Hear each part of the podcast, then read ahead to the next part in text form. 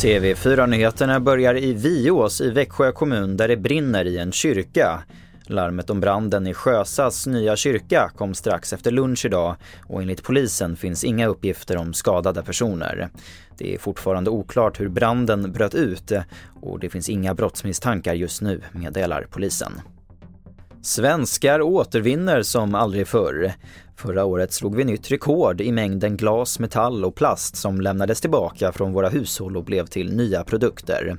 Helena Nylén, VD på Förpackningsinsamlingen, ser dock att vi kan göra mer.